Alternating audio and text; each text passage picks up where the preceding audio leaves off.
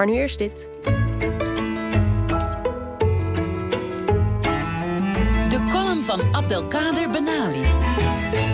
Afgelopen donderdag was ik bij de uitreiking van de Martinus Nijhoff Vertaalprijs. Een van de grootste Europese onderscheidingen voor vertalers.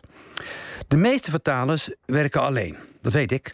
Maar dit jaar ging de prijs naar het vertalersduo Hanneke van der Heijden en Margreet Doorlijn voor hun literaire vertalingen uit de Turkse taal. De Posthoornkerk in Amsterdam vulde zich met genodigden. De twee laureaten stonden helemaal vooraan, prachtig gekleed en een tikkeltje nerveus. Ik kon me daar wel iets bij voorstellen. Want vertalers zijn geen groepsmensen. Hun bestaan is een afgezonderd bestaan. Opgevouwen als ze zijn in de bladzijden van een buitenlands boek. Wat vertalers ook met elkaar gemeen hebben, is dat ze ontzettend slecht betaald worden. En erkenning is er ook niet, want, de, want we prijzen de vertaling door te zeggen dat de vertaling niet las als een vertaling. Tja. De Turkse schrijver die het duo het meest heeft vertaald, was ook bij de uitreiking aanwezig. Nobelprijswinnaar Orhan Pamuk was met de paraplu in de hand naar binnen gevlogen. En Pamuk vertelde het publiek dat het vertalersduo hem op een dag thuis had opgezocht. Als je door één vertaler wordt opgezocht, dan weet je dat het serieus is. Word je bezocht door twee vertalers, dan is er sprake van een crisissituatie.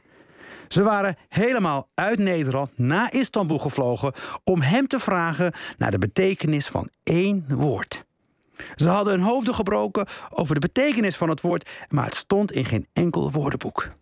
Van der Heide en Doorlijn klopten op de deur van Pamuk. De schrijver deed open.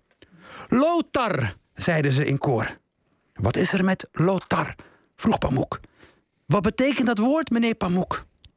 Oran Pamuk krabde op zijn hoofd en moest bekennen dat hij het ook niet wist. Hij had het woord gevonden in een oud Ottomaans manuscript. Lothar is een bindmiddel voor kleurstof, maar heel precies vertellen wat het was, dat kon hij niet.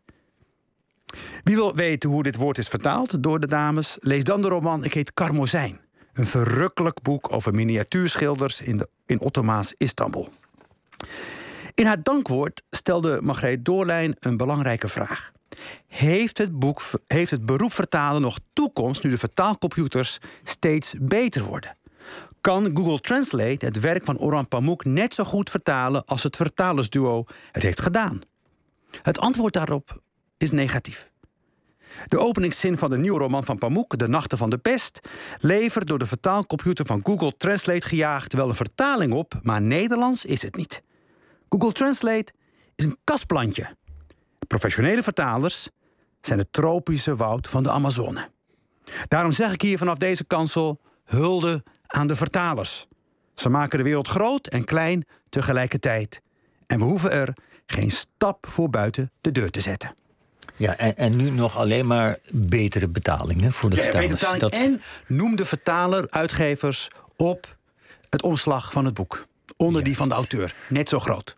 Goed, Abdelkader, bedankt. En eh, terecht, helemaal.